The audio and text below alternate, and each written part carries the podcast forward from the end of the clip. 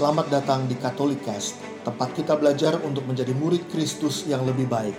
Katolikas bertujuan membantu kita semua untuk semakin berakar dalam iman pada Yesus, bertumbuh dalam persaudaraan dengan semua orang, serta berbuah dalam berbagai karya kasih demi gereja, bangsa, dan sesama. Katolikas berisi cerita kesaksian dan refleksi hidup sebagai pengikut Kristus, katekese iman yang relevan dan praktis untuk hidup sehari-hari, serta dialog topik-topik kekinian dengan berbagai narasumber untuk memperkaya hidup iman kita semuanya. Selamat mendengarkan, Tuhan memberkati.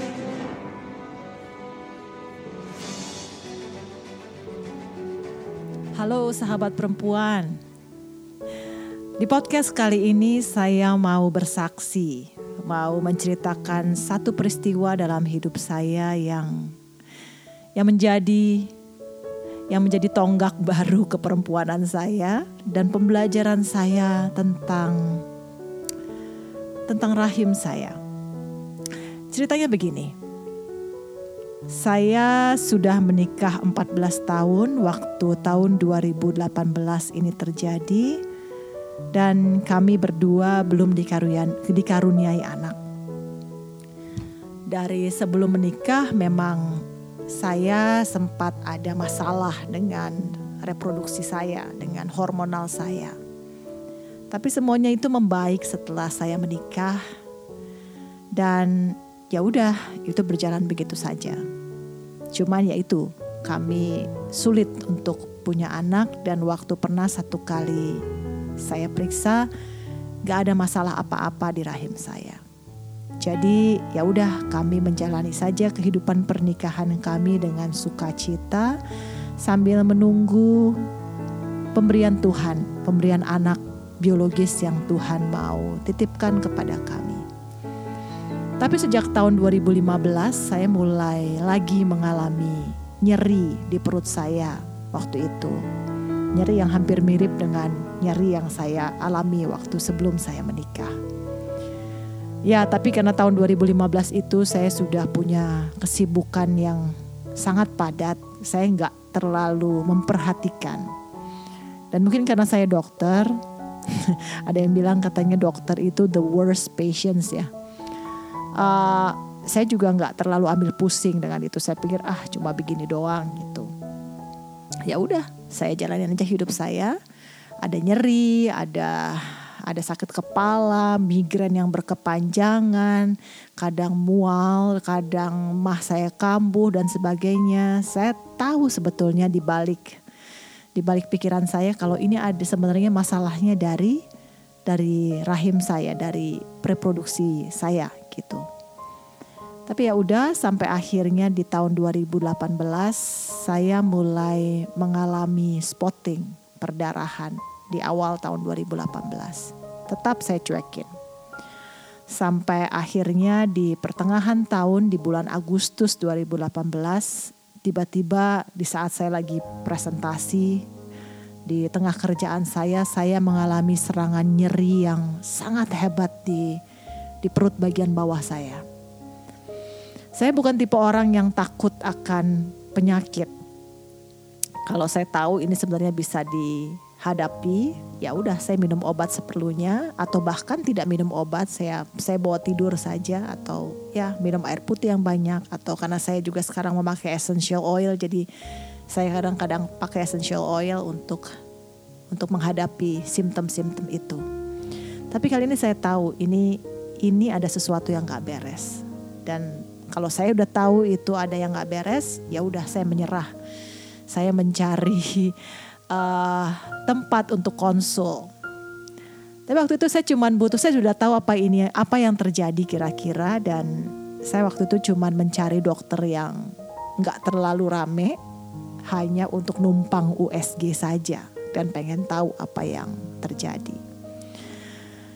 Dan waktu itu akhirnya waktu USG terlihat ada beberapa beberapa ketidaknormalan pada benjolan-benjolan di dalam rahim saya, tapi karena USG-nya dua dimensi, uh, jadi ya nggak terlalu jelas, cuma kayak bayang-bayang gitu. Akhirnya dokter menyarankan saya untuk melakukan USG yang lebih canggih. Akhirnya ya udah, Saya melakukan itu dan kelihatan ada kira-kira 9-10 tumor di dalam rahim saya. Dan satu tumor itu agak besar sehingga ukurannya tuh udah kayak anak ukuran uh, dua bulan, maksudnya diameternya. Dan itu sudah mulai menekan kandung kencing saya waktu itu. Jadi karena itu mungkin saya merasakan nyeri yang sakit banget dan mulai ada perdarahan. Ketika saya menemukan tumor itu di dalam rahim saya, saya tidak merasakan apa-apa, bukan merasakan rasa uh, biolo, uh, rasa badan ya, tapi hati saya gitu maksudnya. Saya nggak merasakan sesuatu yang gimana gitu, nggak ada yang terlalu khawatir, nggak takut yang gimana-gimana banget, nggak ada sesuatu yang dominan lah dalam perasaan saya. Mungkin karena latar belakang medical saya dan saya tahu kalau kayaknya dari penampakannya 90% jinak lah. Tapi konsekuensi dari tumor itu ya ada kemungkinan saya akan kehilangan rahim saya. Ya waktu itu belum diputuskan karena memang ada pilihan untuk melakukan terapi hormonal. Tapi tetap saja melihat 10 buah dengan kondisi besar, kecil dan sebagainya ada di dalam otot, ada di dalam otot rahim, sulit untuk di apa namanya dikeluarkan satu-satu dan ada risiko perdarahan. Rasanya agak sulit mempertahankan rahim saya. Dan itu membuat saya bergumul. Saya bertahun-tahun bicara tentang betapa berharganya rahim gimana identitas keperempuanan kita dan kekuatan perempuan ditunjukkan oleh adanya atau keberadaan rahim kita. Dan saat itu saya ingat, saya merasa rahim saya sendiri mengkhianati saya. Dari seluruh organ di tubuh saya, kenapa ini harus terjadi di rahim saya. Di mana saya berkata saya membawa nama baik rahim ini ke mana-mana.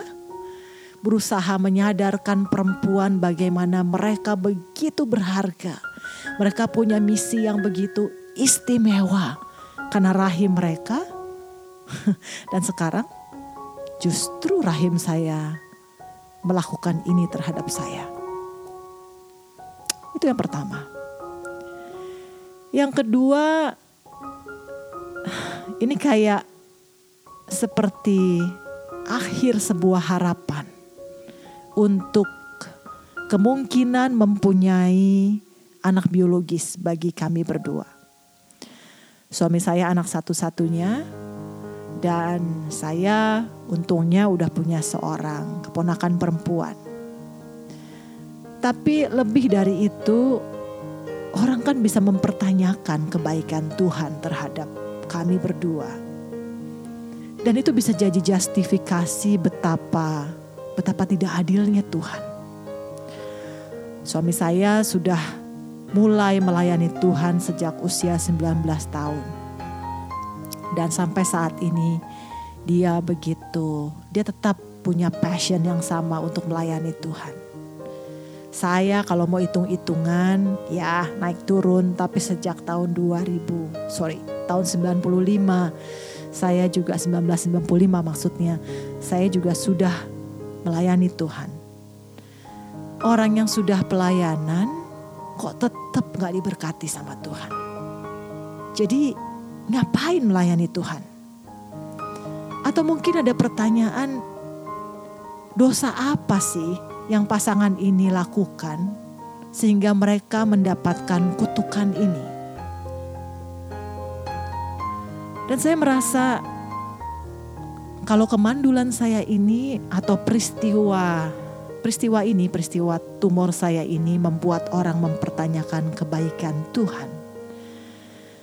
Itu benar-benar menghancurkan hati saya. Saya selalu mau hidup kami berdua jadi berkat. Tapi peristiwa ini atau kemandulan saya kan bisa aja menimbulkan pertanyaan dan keraguan akan Tuhan. Saya akan benar-benar merasa bersalah kalau ada orang yang mempertanyakan Tuhan karena melihat hidup kami.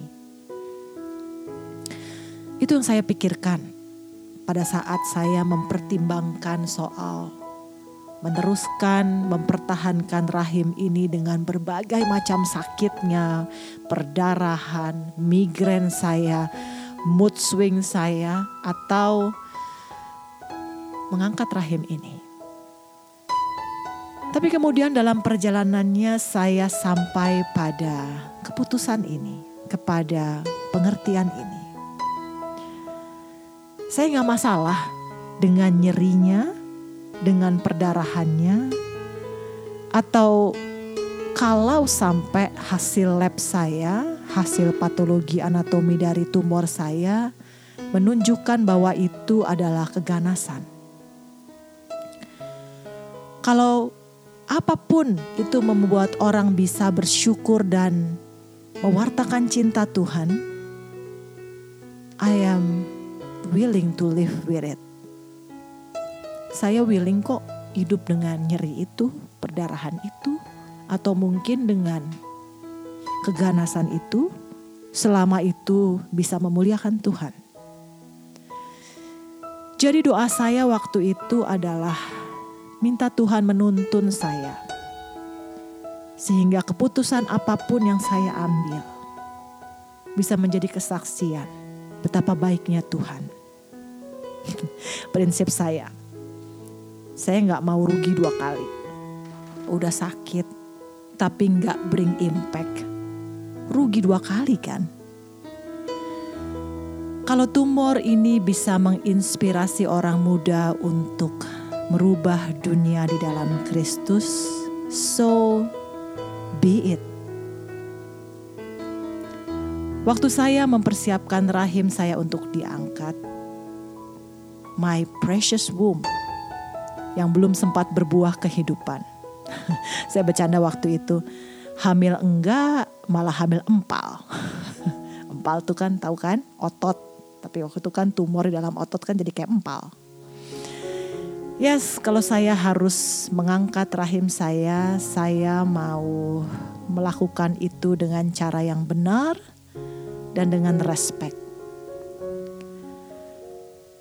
So I want to share the message that yes, everything or any condition can take away our precious thing in life. But we never lost our identity as a beautiful daughter of God.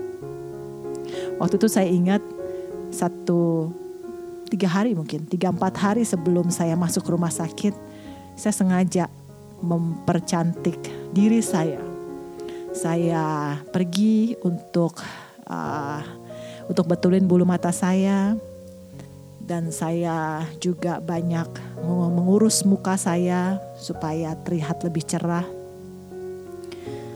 Yes, I want to I want to do all that possible untuk orang melihat bahwa segala apa pun boleh terjadi, menjatuhkan kita, membuat kita ada di dasar kehidupan kita. Tapi selama-lamanya tidak pernah, tidak pernah sekalipun menghilangkan kenyataan bahwa kita perempuan selalu cantik di mata Tuhan. So teman-teman perempuan khususnya, embrace your womanhood. Teman-teman yang sudah mempunyai anak, Celebrate your motherhood. Percayalah bahwa engkau berharga. Jangan pernah biarkan ada orang yang mengatakan kepadamu kalau kalau enggak, kalau kamu enggak cukup perempuan. Mungkin ini dialami oleh teman-teman perempuan yang juga sampai hari ini bergumul karena tidak punya anak. Karena belum diberikan anak. So, Jangan biarkan mereka mencuri sukacitamu. Karena mereka mengatakan, kamu mandul dan kamu bukan perempuan yang sempurna. pilihlah keberanian untuk terus memutuskan untuk menginspirasi dunia. Di kasus saya saya berpikir bahkan bulu mata kan juga bisa menginspirasi orang lain kan? Karena mereka mungkin melihat saya di tempat tidur tapi terlihat tetap bersuka cita dan tetap segar.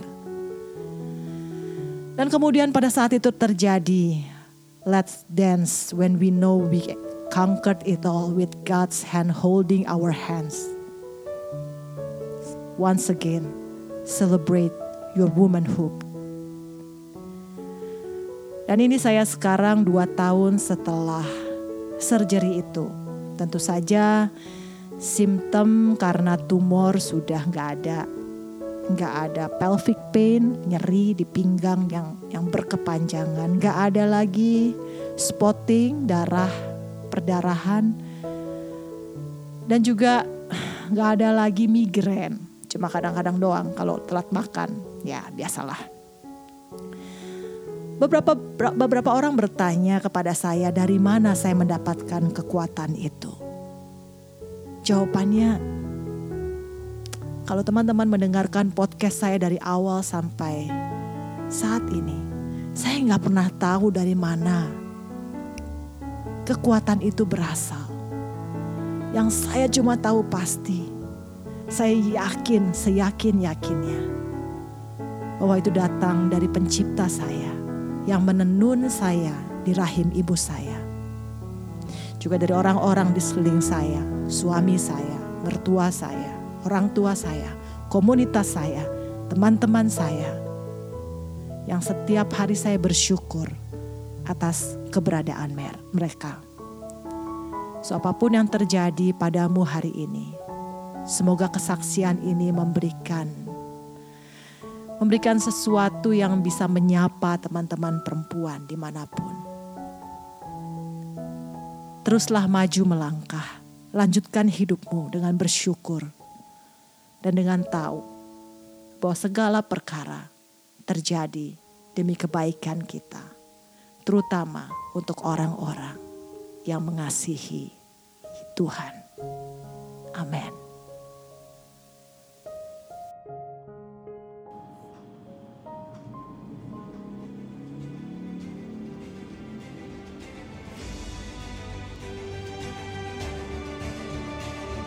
Terima kasih telah mendengarkan podcast ini. Jangan lupa untuk berbagi Katolikes kepada para sahabat dan kenalan kita supaya semakin banyak orang mengenal kabar gembira Tuhan Yesus dan mengalami kasihnya yang memulihkan, menguatkan, dan memberkati. Sampai jumpa di episode Katolikas yang lain.